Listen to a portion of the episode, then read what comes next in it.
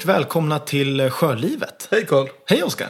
Kul. Hur är läget? Jo, men det är bra. Det var i morse var det ju fågelkvitter när jag, när jag cyklade till skolan. Och det, det, det känns som att snart, våren börjar närma sig. Det är positivt. Det börjar hända saker. Ja, Och det börjar hända saker här. Det är ju första avsnittet av podcastserien Sjölivet. ja super, super kul att vara igång. Verkligen. Ja, vi har längtat efter det här länge, både du och jag. Planerat. Planerat mycket faktiskt. Det har vi verkligen gjort.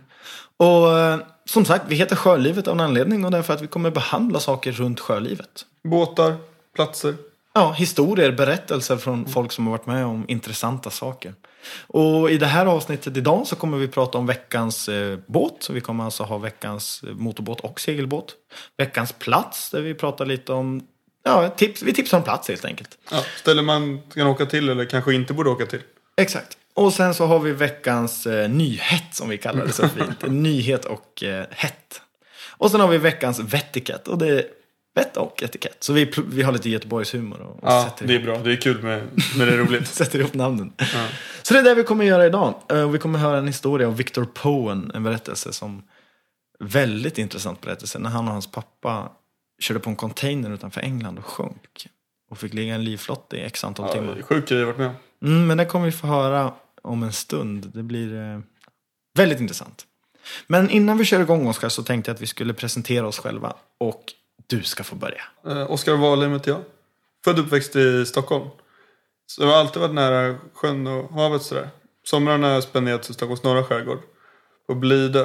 Där familjen har eh, ställe. Så man har hoppat på klipporna, man har seglat någon jolle, varit ute och rott, fiskat lite. Och sen så vart det väl intresset ökade när, när jag läste marinbiologi på gymnasiet. Då var det riktigt mycket. Då var det fisk och, och plankton och allt möjligt. Sen var vi även ute på lite längre seglingar då. Så vi seglade över Atlanten och så var vi i Karibien en månad och seglade. Sen efter gymnasiet så har jag jobbat på båtar. Jag jobbar på en affär som heter Erlandssons brygga. Som säljer båttillbehör. Och det var ju superkul. Jag i fyra år. Lärt mig sjukt mycket och fått pröva på och testa. Så det var, det var ballt. Och idag så jag, jag seglar ju en hel del. Seglar en eh, gammal skärgårdskryssare. Som bor i Motala. Där, där du är ifrån Karl. Stämmer bra. Det är lite så här sn- snygg övergång Ja. där. Ja. Jo, jag är född och uppvuxen i Motala. Och om jag inte sa det, Karl Holmertz heter jag. Det är i Motala jag är uppvuxen fram till jag var 16 där. Efter att jag flyttat runt bland lite olika städer. Men eh, det är i Motala jag tillbringat den största tiden av mitt, eh, mitt sjöliv. Om nu ska säga så. Ja. Ja, när du är barnfödd. Exakt, ja men upp till ja, jag vet inte, 13-14 års ålder så hade vi motorbåt. Och sen eftersom pappa är gammal tävlingsseglare så blev det därefter segelbåt. Vad seglade han? Han seglade laser. Han tävlade därför. Så att nu har vi, vi hade en Maxi 77 i många år och nu har vi en Oceanis 42 fots. Som vi seglar och det är fram, framförallt i Vättern men även så har jag ett kompisgäng som vi brukar segla ihop minst en vecka på sommaren. Så vi kör i, något år på västkusten och något år på östkusten och blandar lite grann och sådär. Jag pluggar nu i Umeå här också. Eh, civilingenjör, interaktion design. Och det är så vi känner varandra. Ja, ja, precis. För jag läser ju till jägmästare Ja. här uppe i Umeå också. Och vi är lite gemensamma polare. Hittar Ja, varandra. Det är så vi hittar varandra. Och 2014 då seglade jag över Atlanten, precis som du hade gjort också. Så det är den längsta seglingen jag har gjort. Förutom då, ja, inte hela Sverige runt, men, men halva ungefär Sverige runt. Eh, från Kalmar till Göteborg. Det är längst. bra. Mm. Ja, men det är, Sverige och Östersjön ska man inte underskatta. Det Nej, är en av de vackraste platserna på jorden tycker jag. Framförallt på sommaren. Ja, och det- vintern är lite, lite dystert kanske. Framförallt är det Umeå nu när det är mörkt och kallt och Som saltar sig, så det blir så slaskigt och grått. Även fast det är vit snö så är det på något sätt grått som är någon slags grundton. Ja, men sen är det på något sätt när det är sånt här väder och mörkt som det är då man drömmer som mest. Tycker du inte det? Jo, verkligen. Man sitter ju och pillar i gamla fotoalbum och man, man googlar och man hittar någon YouTube-film. och Det, det är något som saknas verkligen. Det finns en, en längtan. Ja, och det är ungefär nu som vi kommer igång med säsongen. Inte bara vi här på podden utan båtfolk där ute i hela Sverige som börjar pilla lite grann på båtarna. Kanske bygger om sina latriner nu efter lag, ny, lagförändring och sånt där. Och folk börjar komma igång och vakna upp nu efter ide-dvalan. Ja, längre söderut i landet så börjar det vara varmt. Precis. Våren har gjort betydligt större framsteg än här. Men jag tycker vi kör igång. Ja, Let's go.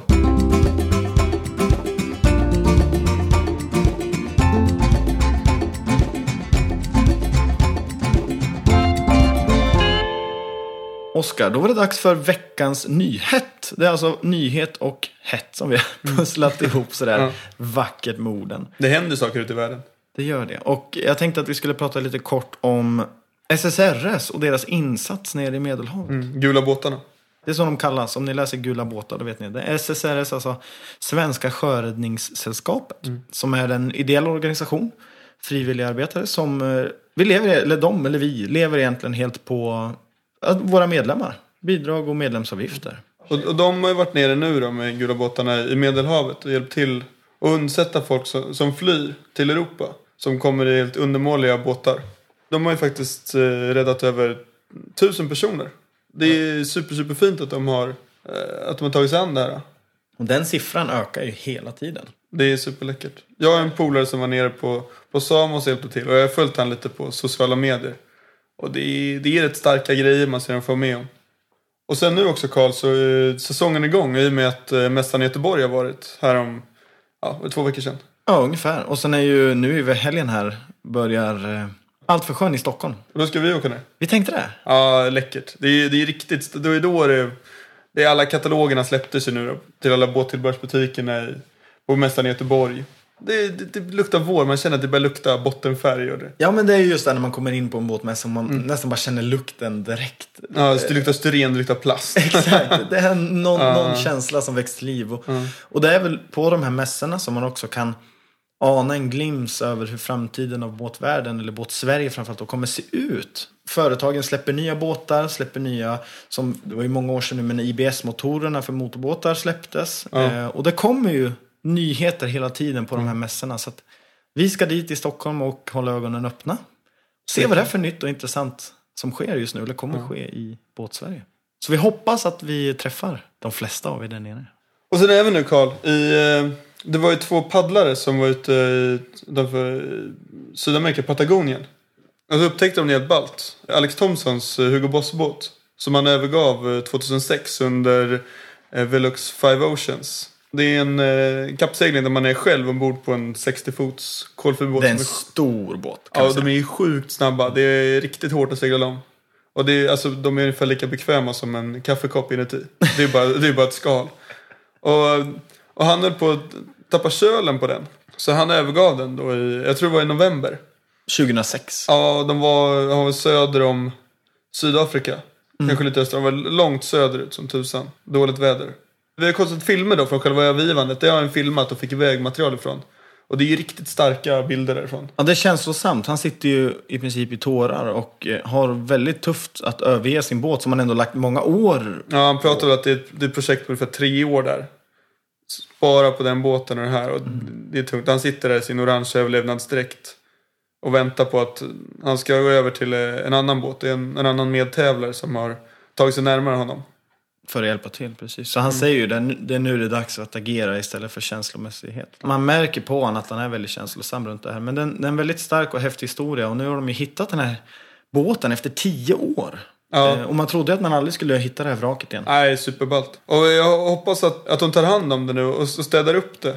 Segelteamet. Att de går in och ser till så det inte båten bara ligger där och, och skräpar ner. Ja, för det gjorde de väl på Volvo Ocean Racing tävling som går runt, runt hela jorden eh, och går i mål i Göteborg. Men där var det ju Team Vestas, en båt som, som kapsejsade och gick, Eller de, de gick på grund. Ja. Stenhårt. och fick överge. Men de lyckades ju rädda i princip allt. Ja, de gjorde ett skitbra insats där. Det var utanför Madagaskar.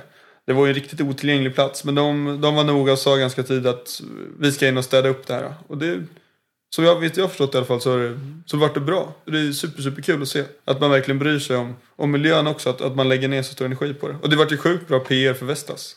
Fick mycket skrift. Ja, tummen upp för det Det här. är kanske det här, om, man vill, om man bara vill åt PR, då, då ska man inte vinna utan då ska man gå på grund. Du går på grunden. Och sen städa upp det jävligt Ja, snyggt. Ja. då, står, då får man mest skrift i medier. Eh, sjukt, sjukt bra. Det är ballt att de hittade den här båten i alla fall. Det jävla chock att se en silvrig 60-fots kolfiberbåt liggandes långt upp på land. Häftigt. Oväntat. Då var det dags för veckans båt. Ja, Karl, och du vill ju berätta om båten som du är uppväxt med. Ja, jag vill prata om en båt som heter Ryds Camping. Det är den båten eh, jag hade, eller vi, min familj hade, tills jag var 13-14 år ungefär. Det är en plastbåt, en motorbåt, plastbåt på 5,5 meter lång ungefär. 2,2 meter bred. Eh, och hardtopbåt. Det, är som, det blir som en ruta med ett, med ett halvt tak. Det är, det är inte tak över hela båten. Exakt. Det blir som ett litet halvt krypin. Ja, det är tak för främre båten och sen där bak om man vill ha taket så får man då ha kapell. Tyg som skyddar. Men en väldigt, väldigt bra båt. Vi hade den som, vi var ju småbarnsfamilj då egentligen. Ehm, Jag är äldst och då var väl jag 13. Men det funkar väldigt, väldigt bra. Vi kunde bo fem personer i den här. Och den går ju ändå 28-30 knop.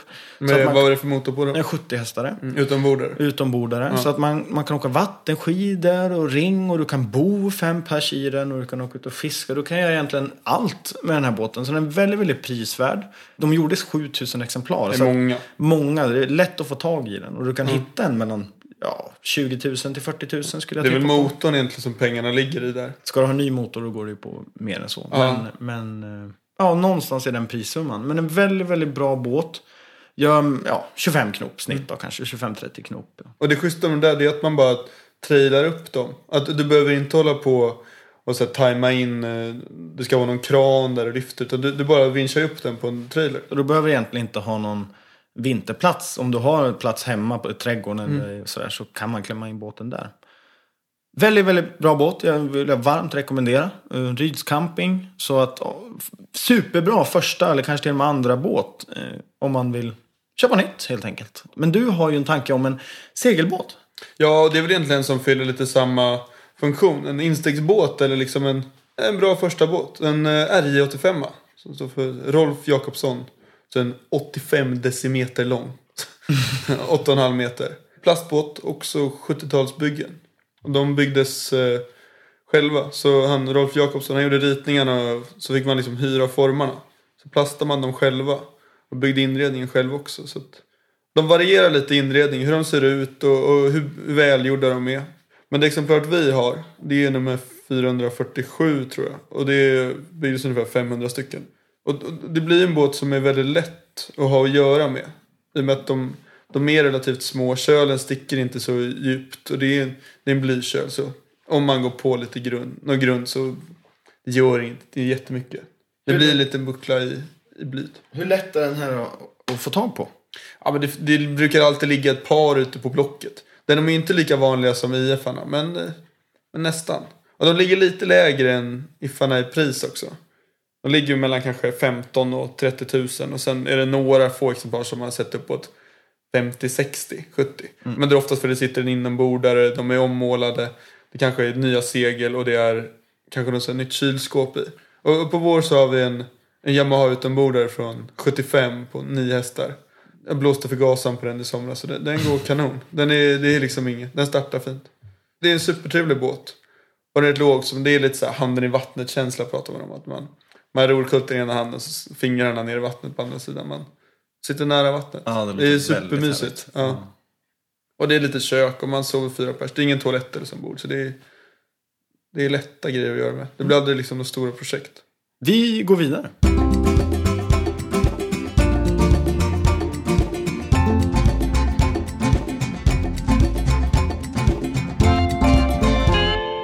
Jag tänkte att vi skulle ta veckans plats och jag vet att du fick i uppdrag att bestämma en plats och du har valt den. Så jag tänkte att vill du, vill du berätta? Vi firar alltid midsommar i södra skärgården hos en, och sen polare till mig.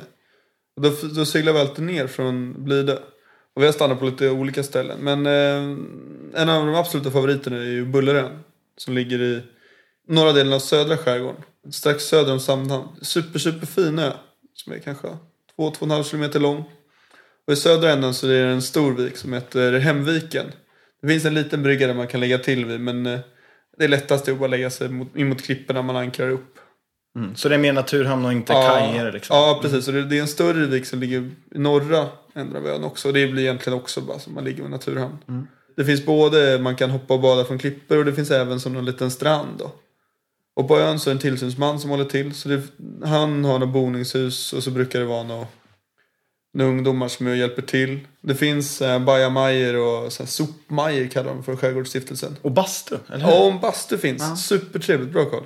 Så den brukar man ju elda igång och så lagar man käk. Och sen är den varm till efter maten. Så då badar man lite och bastar, håller sig varm. Och sen Tar finns det väl ett speciellt hus på den där ön? Ja, precis. En, eh, Bruno Liljefors, en konstnär som målade vildmarksmotiv. Havsörnar och harar och ja, allt möjligt, mycket skärgårdsmotiv.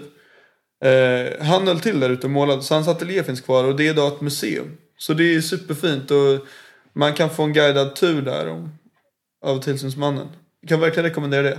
Och det, det är verkligen det som är supertrevligt. Den ligger rätt trevligt också för att eh, utanför ön så är det i stort sett ingenting. Det är öppet hav. Och det är ganska höga klippor också så att när man är uppe och går på dem man får bra utsikt. Det låter väldigt idylliskt. Dit eh, ska jag försöka ta mig i sommar tänkte jag. Vi Ja. har bestämt att ha båten ute vid östkusten. Ja, sommaren. det är spikat nu. Mm. Nu har vi bestämt oss. eh, Båten på östkusten. Så att då blir, sådana här tips från dig är ju ovärderliga då. Vart jag ska ta vägen. Ja, ja det var verkligen bullrar den. Mm, bra tips. 2004 Karl, då var ju din polare Victor Poen ute och seglade med sin pappa. Ja, Victor Poen, alltså en kompis med mig som en holländare. Som jag seglade Atlanten med 20, 2014. Han och hans pappa var ute och seglade utanför England och körde på en container och därefter sjönk de. Jag ska inte säga så mycket utan vi ska höra Victor Poen berätta det här själv. Så nu är det bara att sätta er tillbaka, luta er tillbaka, lyssna. Varsågoda.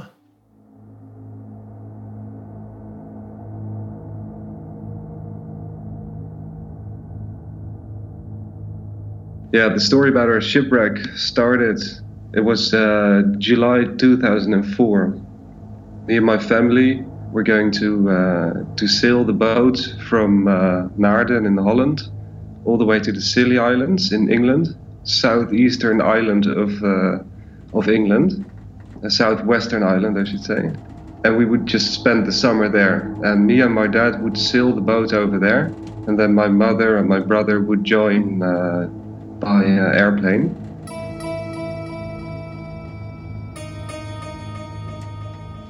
We started off pretty well. We had some good sailing and we made the crossing from uh, in Holland to uh, Lowestoft in England. Uh, from there on, we would move to uh, Ramsgate. That was the next uh, port that we were uh, headed for. And everything was just going pretty pretty smoothly. I think we left in the uh, afternoon. Good wind for sailing. We had a bit of rain, but mostly the weather was uh, fair. Yeah. Also at night we uh, we had a lot of moon moonlight, so actually it was pretty good sailing conditions. But then at three o'clock at night, we probably hit something, and we never knew what it was. But it must have been something like a a container floating just below uh, the surface. My dad and me, we can still recall bumping into something, but it was it wasn't a very spectacular bump. Just the speed of the boat was slightly reduced, and we were uh, pushed to port.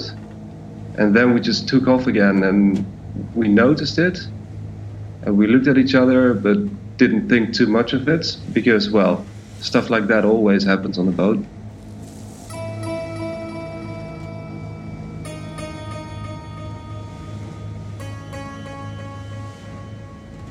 I remember that I heard the, the panels of the floor uh, bumping into the cardboards, the, the cupboards. Um, so there was water in the boat. Well, that can happen, nothing too special. So uh, I told my dad, and we started getting the water out of the boat. Shortly afterwards, we, we realized that the water was uh, coming in faster and faster. So yeah, getting the water out of the boat with the with the with the bucket or a pump wasn't an option anymore, and that was when my dad realized that he uh, that we were in, in in serious trouble. So he then turned to the uh, VHF to send uh, uh, messages to surrounding ships and the Coast Guard. I remember him doing that maybe th- three or four times or something, but we didn't get any response on those Maydays. Probably that was because the batteries were already underwater by then.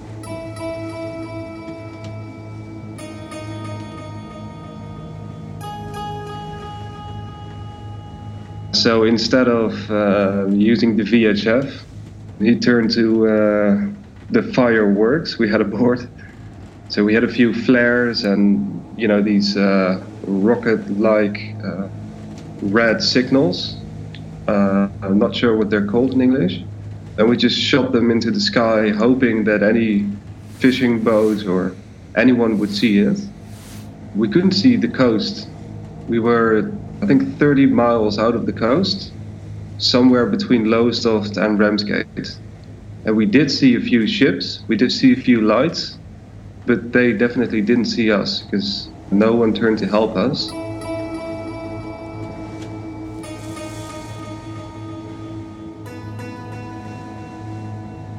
While we were trying to attract the attention of other ships, the water just came in even more quickly and more quickly. So then we just turned to uh, to the life raft.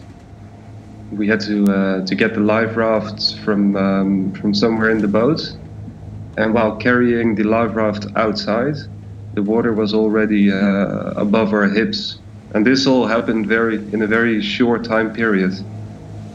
It must have been 30 minutes between realizing that water was that we were making water and cutting the life raft loose of the ship. That's an incredibly short period of time. And I, I remember right before leaving the ship, and my dad uh, wrote a note that we were both uh, fine and why we left the ship.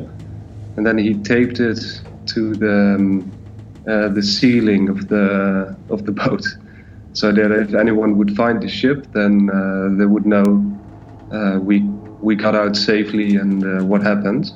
But that message has never been read by anyone because shortly after we cut the life raft loose, we just saw the, the ship going down and we saw it just completely disappear in the in the in the sea. Nothing has ever been found of the ship again, so not, not a piece or nothing.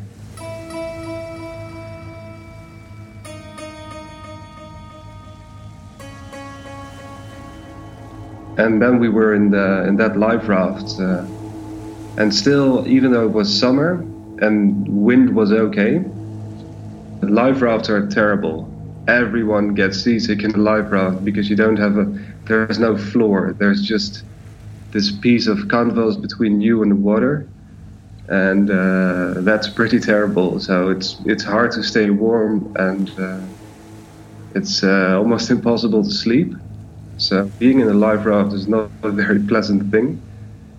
We spent eight hours in the life raft, and we saw many ships because the the current was drifting us towards Dover, and the Dover Calais Straits is one of the busiest uh, shipping lanes in the world. So there were a lot of, of big ships and smaller ships that we could see. And my dad tried constantly attracting their attention using flares and other fireworks.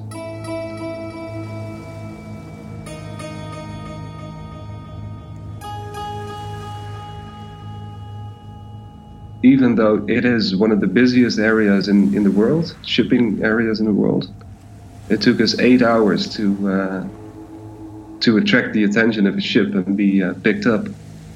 The last piece of of uh, fireworks that we had. It was a, a smoke signal that is usually used to attract the attention of uh, airplanes.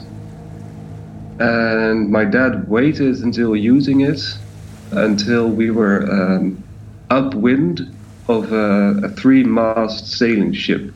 So we we could see at the horizon three masts. So it must have been a, it was a pretty big sailing boat.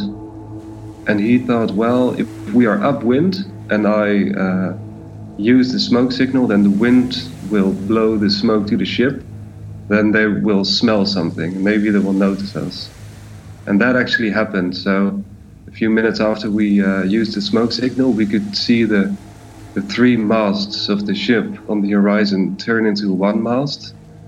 And that is when we knew, uh, oh, this ship is coming our way. We are going to be saved the ship came closer and closer, and it turned out to be a beautiful Norwegian toll ship. They picked us up, and I was completely exhausted, and uh, And I felt pretty terrible after being seasick and in the in the life raft for eight hours. And I felt very welcome on the ship. They had a warm shower and uh, dry clothes and everything, so that was perfect. And there were a lot of young people on the ship. So even though it was a uh, pretty terrible thing to happen, I, I do have some sweet memories uh, of that ship that picked us up. And there were a lot of young people on there as well, so uh, we actually had a good time. The Norwegian ship had informed the authorities about the shipwreck. The authorities called the Dutch Coast Guard, and the Dutch Coast Guard called my mum. So I imagine what kind of conversation that was. Hello, madam. Uh, your um, your husband and son have been shipwrecked, but they are fine, and uh, please come and pick them up in Dunkirk. pretty weird, uh, pretty weird stuff. So yeah, I'm happy to be uh, to be alive and have made it. And it was a scary, scary situation. But my dad was very, um, I don't know, he seemed to be prepared or something. He knew exactly what to do. And th- there's one more funny thing because um, my dad, well, he wasn't uh, seasick in the life raft, by the way. And I, I remember when we were on deck of that Norwegian toll ship, the first thing he said to the captain of that ship was, uh, What time is it? The captain uh, responded, said it was 11 a.m.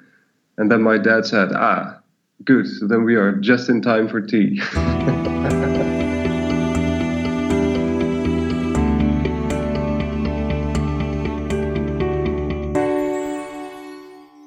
Ja, shit vilken grej han var med om där alltså. Viktor hans farsa.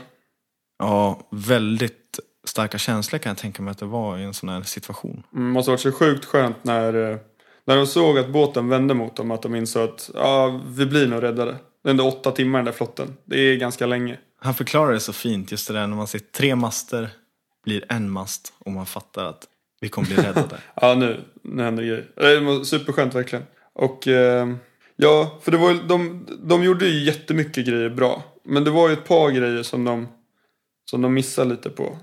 De hade ju en, en bra grabbag hade de ju inte. Nej, de hade framförallt ingen handhållen VHF. Nej, och, och det är någonting. En, en grabbag det är en, en vattentät väska som ska finnas lättillgänglig ombord. Som ska innehålla lite viktiga saker om man mot förmodan behöver överge fartyget. Mm, som man snabbt bara kan ta tag i. Ja, och det, det ska vara en handhållen VHF. Du ska ha ett första hjälpen-kit med lite sjösjuketabletter, plåster och sådär. För det, det är lätt att man slår sig och illa sig. Lite mat, lite choklad och sådär brukar vara bra. Vatten så man kan få upp blodsockret lite. Också eh, nödraketer som de hade med sig. Så man kan kontakta andra båtar. Och flertalet av dem. Ja, flertalet. Så det inte blir som för Nej. dem nu när de den sista Ja. klarar sig. Eller räddar tur. dem. Mm. Och, och så någon, lite kanske någon varmtröja eller någon filt eller något liknande. Så att, för blir man kall, trött, hungrig. Man, man fungerar sämre som människa. Det är ingen snack om saken. Man behöver energi och Och just framförallt när det är, som nu i det här fallet var det 9 grader varmt i vattnet. Så att det är väldigt kallt och det räcker ju med lite stänk upp i livflotten så att man blir just blöt och kall. Och om man då är hungrig på det här då blir det ju ännu Ja. värre. Så att, Ja, och det, man fattar inte så bra beslut. Men det räcker med att man är stressad. Alltså att du är sent till skolan eller till bussen. Man blir irrationell, man glömmer mobiltelefonen, plånboken. Även om det är det enda du ska ha med dig. Så då om du sitter på en sjunkande båt, då är det lätt att man glömmer allt tänka. Bredvid den stationära VHFen i båten så ska det finnas ett, ett laminerat papper uppsatt. Där det står instruktioner hur man gör mayday, anropet och eh, vad det ska innehålla med båtens call sign. För, för att man är ju så stressad, antar jag. Något jag reagerar på Oskar, det var ju också det här med eh, livflotten som Viktor här berättade för oss där att de, de hade ju haft en livflotte i många år men aldrig kollat den, inte servat den, ingenting. Utan den hade egentligen bara varit på båten. Ja, men det här var ja. första sommaren de hade, de hade ju köpt ny livflotte Mm, helt enkelt. klokt. Så det var första sommaren de hade en fungerande livflotte. För den förra var ju bara ja, mögel egentligen. Ja, var, men de, de sådana här flotta, de ska servas kontinuerligt. Det brukar ligga ungefär vart tredje år som man ska lämna in dem på service. Och, och då går, det, går de igenom just som slitage och kollar reflexer och sömmar så att det inte läcker någonstans. De kollar också och byter oftast de här kolsyrepatronerna och den här själva mekaniken som eh, löser ut den. Och sen på de, eh, de som har högre klassning av de här flottarna. De innehåller också mat och vatten och som en liten grabbag egentligen som finns ombord. Det Kan också vara fiskeutrustning. Och det här kollar de också över och ser så att, så att det är fräscht. Man kanske känner att nej men vi seglar bara i Östersjön, vi behöver inte en livflotte. Men samtidigt som det här hände ju i världens mest trafikerade områden. Och det var ju hur mycket fartyg som helst men de fick ändå ingen hjälp för de syntes inte. Nej. Och att de fick ju ändå ligga en livflotte i åtta timmar. Så det här kan ju hända i Östersjön. Östersjön är större än vad vi tror. Även om man kanske är osäker på om man ska ha en livflotte eller inte så kan det vara väldigt värt och avgörande om man faktiskt investerar i en sån här. Ska man ge sig ut på havet så ska man ha flotte. Och det är som när man ser, som du har ju då också varit kanske och hört, när man seglar lite mer söderut som nere i Kanarieöarna när vi har seglat en del så är det ju många som, när man säger då att man är från Sverige och ja. så här, oj, nej, men du seglar i Östersjön, då, mm. då är det här ingenting. Nej. Och de menar ju på att framförallt runt England och Östersjön är det väldigt svår segling. Om man jämför med andra ställen. Ja, det är inte bara det snurrar mycket och det är ja, vågor hit och dit. Och, mm. Så att även i Östersjön bör du ha en livflotte. Men sen också det det som hans pappa gjorde jättebra under hela det var att hålla bra humör. Han, han var trygghet och, och agerade ganska bra och, och kändes som någon, som någon klippa för i situationen. Klarade och gjorde, mycket, gjorde de mesta sakerna helt rätt. Och också väldigt skönt att han inte behövde vara sjö, sjösjuk, att han slapp det. Mm. Och det pratade ni om att det kändes som att pappa var förberedd på det. Att han, han visste vad han skulle göra. Jag har varit med om en liknande situation. Inte alls lika allvarligt, men mellan Haiti och Kuba så tog vi in vatten mitt i natten. Och vi hade inte käkat så bra ombord för det varit ganska tufft väder ett par dagar. Så alla var rätt trötta. Man turades om att försöka sova lite och sitta och pumpa läns och hålla utkik. Men då var det en, en dansk tjej ombord som, eh, som kom upp och frågade Captain, Captain, what are we thinking about? och det, det var jätteskönt, det lättade ju upp stämningen. Och sen kom soluppgången. Det var härligt.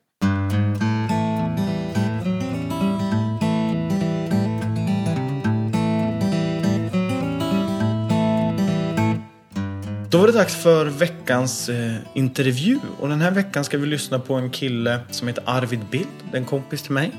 Som är tävlingsseglare. Han har kört America's Youth Cup. En väldigt, väldigt stor tävling. Ja, det är, det är på hög nivå. Det här är de stora pojkarna och flickorna. Ja, det är de leker. här som är rutinerade och väldigt duktiga seglare. Och han tävlar även i M32 Cup som går här i i framförallt Sverige, men Norden då. Eh, och det är 32 fots katamaraner som går fruktansvärt fort. Ja, svinballa. Jag var och kollade på när de seglade i Stockholm för 2013, 2014. Mm.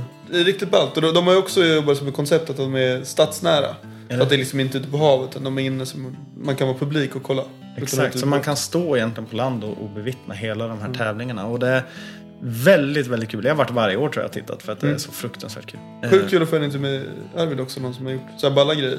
Ja. Men det kanske inte är det han ska prata om mest. Det är inte det han ska prata om. Vi ska inte prata om tävlingssegling utan vi ska prata lite mer om vardagssegling kan vi väl kalla det. Eller vardags, vad han gör på sjön på somrarna när han är ledig och när han mm. har tid och han inte vill tävla utan bara tar det lugnt. Så vi ska höra vart han åker och vad han håller på med och, och lite sådär. Så vi tar och eh, lyssnar på detta helt enkelt.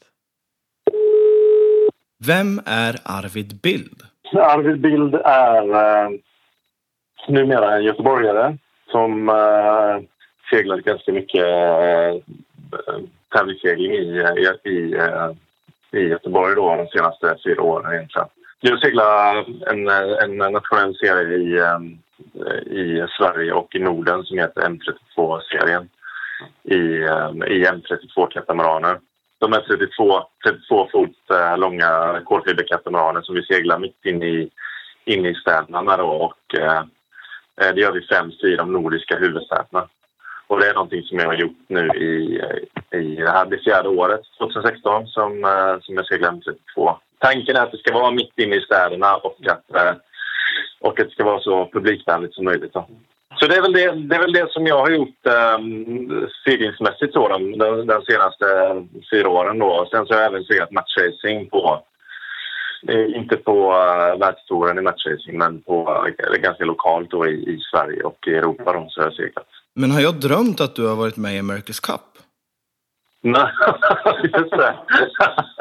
Nej, det är inte dumt. Det gjorde jag eh, istället. 2012 var jag med i någonting som heter Youth America's Cup. Och det var ju en eh, förtävling kan man säga till riktiga America's Cup där, där tanken är att, eh, att, man, att det ska vara liksom en, ett sätt att få in yngre seglare i America's Cup. Och då seglade vi mindre, men då var det 45 fots katamaraner som vi seglade.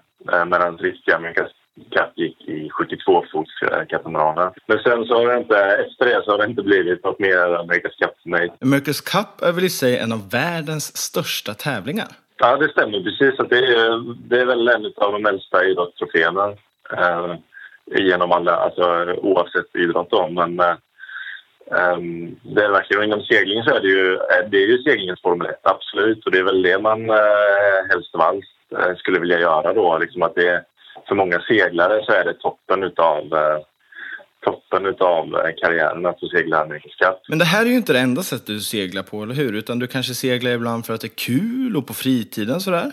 Ja, när man har tävlat liksom, man är intensivt då under, under en period i sitt liv så blir man ju, så blir man ju ganska matt på, på, på seglingen då. Då brukar jag liksom försöka försöka screena av och göra något helt annat. Jag brukar skoja om det att jag har mitt eh, föräldrahem i Småland och då brukar jag alltid åka hem till Småland och eh, liksom inte, inte se något vatten då på ett tag. Liksom. Så åker jag hem till skogarna och gör någonting annat. Men eh, visst är det så. Jag försöker, när jag får suget tillbaka så, så är det ju självklart att det är ett, eh, det är ett stort nöje att fritidssegla lite också.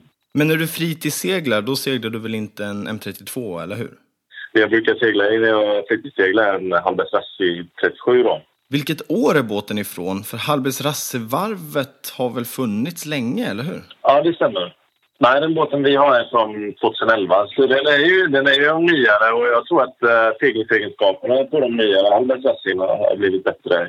Utan att, det ska jag inte svära på, men det är någonting som jag, som jag har fått för mig i alla fall. Ja, men nu har jag en fråga då. Eh, lite för alla lyssnare som kanske inte är superbevandrade i båtar men kanske intresserad av att köpa en båt. En sån här båt kostar ju väldigt mycket pengar. Ser du någon fördel med att köpa en sån här båt istället för en billigare då kanske en Omega eller en komfortbåt eller något sånt?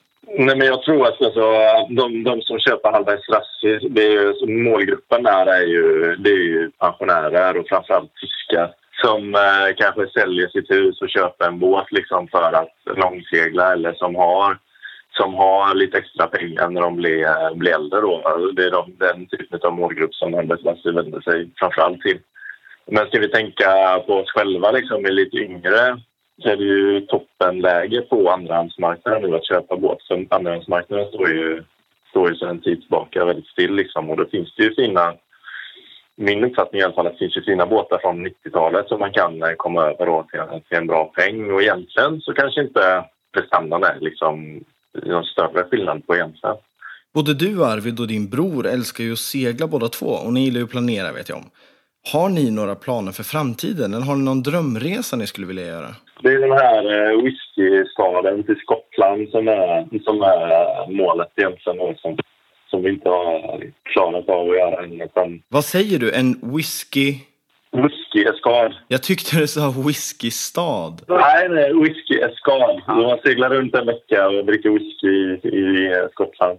Så det är mycket whisky som lockar där också. Men eh, det är väl en sån, eh, en sån grej vi skulle vilja göra då som, som ligger här nästa, nästa åren. Har du någon plan för i sommar Arvid? Eh, planen är att segla M32-serien i sommar i Skandinavien. Den går ju på sex, eh, sex eh, ställen i, i Skandinavien då. Och det är väl det som är, som är planen.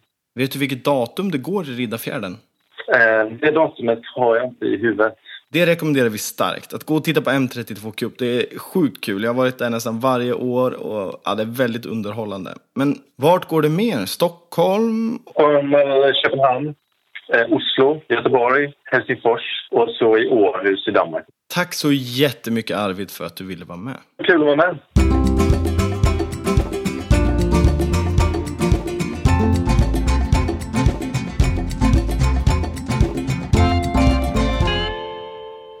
Nu Oskar tyckte jag att vi skulle prata lite om veckans vettikett. Det är alltså veckans vett och etikett som vi... Göteborgs humor håller sig starkt. Ja, men vi hade det. Nyhet i början och veckans vettikett nu. Och jag tänkte att vi ska börja prata om en sak som hände 1 april 2015. Så lite nästan ett år sedan så infördes en lag. Ja, då, man får längre inte tömma eh, latrinerna rakt i sjön. Toaletterna alltså. Ja, precis. Svartvattnet. Utan eh, nu ska man åka till spela-stationer och sugtömma dem. Och de, eh, de ligger lite utanför de, de stora marinerna, båtmackar och andra liksom, ja, där det rör sig mycket båttrafik. Där så finns det sådana här stationer. Och det fungerar på så sätt att, att det är som att tanka ungefär fast tvärtom. Man suger ur och skiter ur båten. Och det man behöver göra oftast då det är att, för tidigare så har man ju bara tömt rakt ut i havet. Och idag så då, då plastar man igen det där hålet och så sätter man i en däcksförskruvning. Och så drar man om den slangen upp till däck. Så det, det är en relativt enkel ombyggnation att göra. Svårast är att dra slangar för det är alltid trångt ombord på båtar. Ja, det är Det, det. det är det enda det är. Ja, och det, det här står jag inför att göra nu innan vi sjösätter. Att Sjukt bygga bra. om. Så att eh, jag kommer nog, jag är ju lite den här amatören, du är experten. Så jag, jag kommer nog ringa dig en del där när jag... Ja. Du, hur var det nu med den här? Kliar sig i huvudet. Ja, men du kan ju till och med millimetermått på... Ja men det är alltid så här 38 mm så ska det vara 19 mm avluftning och det, Ja, det det är massa mått på det. Men eh, där kan vi ändå komma undan rätt billigt, eller hur? Den slangen är ganska dyr. Den kan kosta alltså 350 kronor metern och sen Mm. om man ska ha en sån eh, ISO-klassad däcksförskruvning så är det går på 300-500 kronor. Ja. Men, eh, och sen lite plastgrejer för att få igen det gamla hålet. Men Mm. Det landar på en... Bara de prylarna, det är under 1000 Sen kronor. tänker jag mig att det kan vara att man måste byta eh, tank också, ifall den inte är tillräckligt stark. Eller? Ja, ja precis. Eller det kan vara några av de gamla tankarna för små avluftningar. Och då är risken att när man sugtömmer dem att, att tanken imploderar, att den knycklas ihop. Så då antingen om man, om man har en metalltank då får man ha någon som svetsar dit en ny luftnippel. Eller om man har en plasttank så kan man ersätta den. Men det kanske inte går att göra alltid. För man, det går inte att komma åt. Den kan vara för liksom inbäddad. Då får man byta ut den till en annan. Men den här regeln gäller ju för alla fritidsbåtar, eller hur? Men inte K-märkta. Nej, nej precis. Man har valt att, eh, att bevara de gamla klassiska båtarna. För att det är oftast det K-märkena handlar om. Att, att de är i så pass bra originalskick. Att man vill bevara dem. Som en... Men det är ju också, den här regeln är väldigt bra. För jag har kollat lite information här nu. Och det är ju faktiskt så att den, eller det urin en, en eh, vuxen människa producerar under ett dygn ger näring till ett kilo alger. Ja, och det, det är väl det som man vill komma åt. Och det som vi i- i båtlivet som ja, fritidsbåtsägare lider mest av. Det är egentligen de här stora algblomningarna som blir. Det, det är det man hör någon prata om. Att ja, men förra sommaren var bra, det var inga alger alls. Och sen någon annan säger bara jo, där jag var, där var det jättemycket. Så det, det är något man pratar om och, och något som man lider av. För man vill kunna bada, man vill åka genom ett kristallklart vatten. När man åker genom de här låga banden och bara geggamoja, det är inte kul. Det, det vill man slippa. Och sen så var jag lite orolig innan, det här, eh, innan den här regeln infördes, eller lagen, att de inte skulle hinna att sätta ut sådana här tömningsstationer tillräckligt på så mycket ställen, eller så, så, så, så i antalet. Nej, det har de lyckats skitbra med. De har, de har verkligen dragit igång ett bra arrangemang och Transportstyrelsen har ju idag på sin hemsida karta över vart alla tömningsstationer finns. Och det är alla klassade. Jag tror även att det finns här som är hemmabyggen eller några enklare varianter. Som, så det, det finns fler än vad de har utritat. Och den här kartan kommer vi såklart eh, länka till på sjölivet.se. Exakt, och vi kommer även länka där eh, båtarna vi har pratat om och platserna och sådana saker. Så på, på sjölivet eller jourlivet.se så kan ni alltså se mer information om det här vi pratar om och, och följa med lite mer och kanske titta på en karta och så vidare. Men där har ni då den här kartan på var tömningsstationer finns. Och de är alltid markerade med en, med en blå flagga. Den ligger också ute.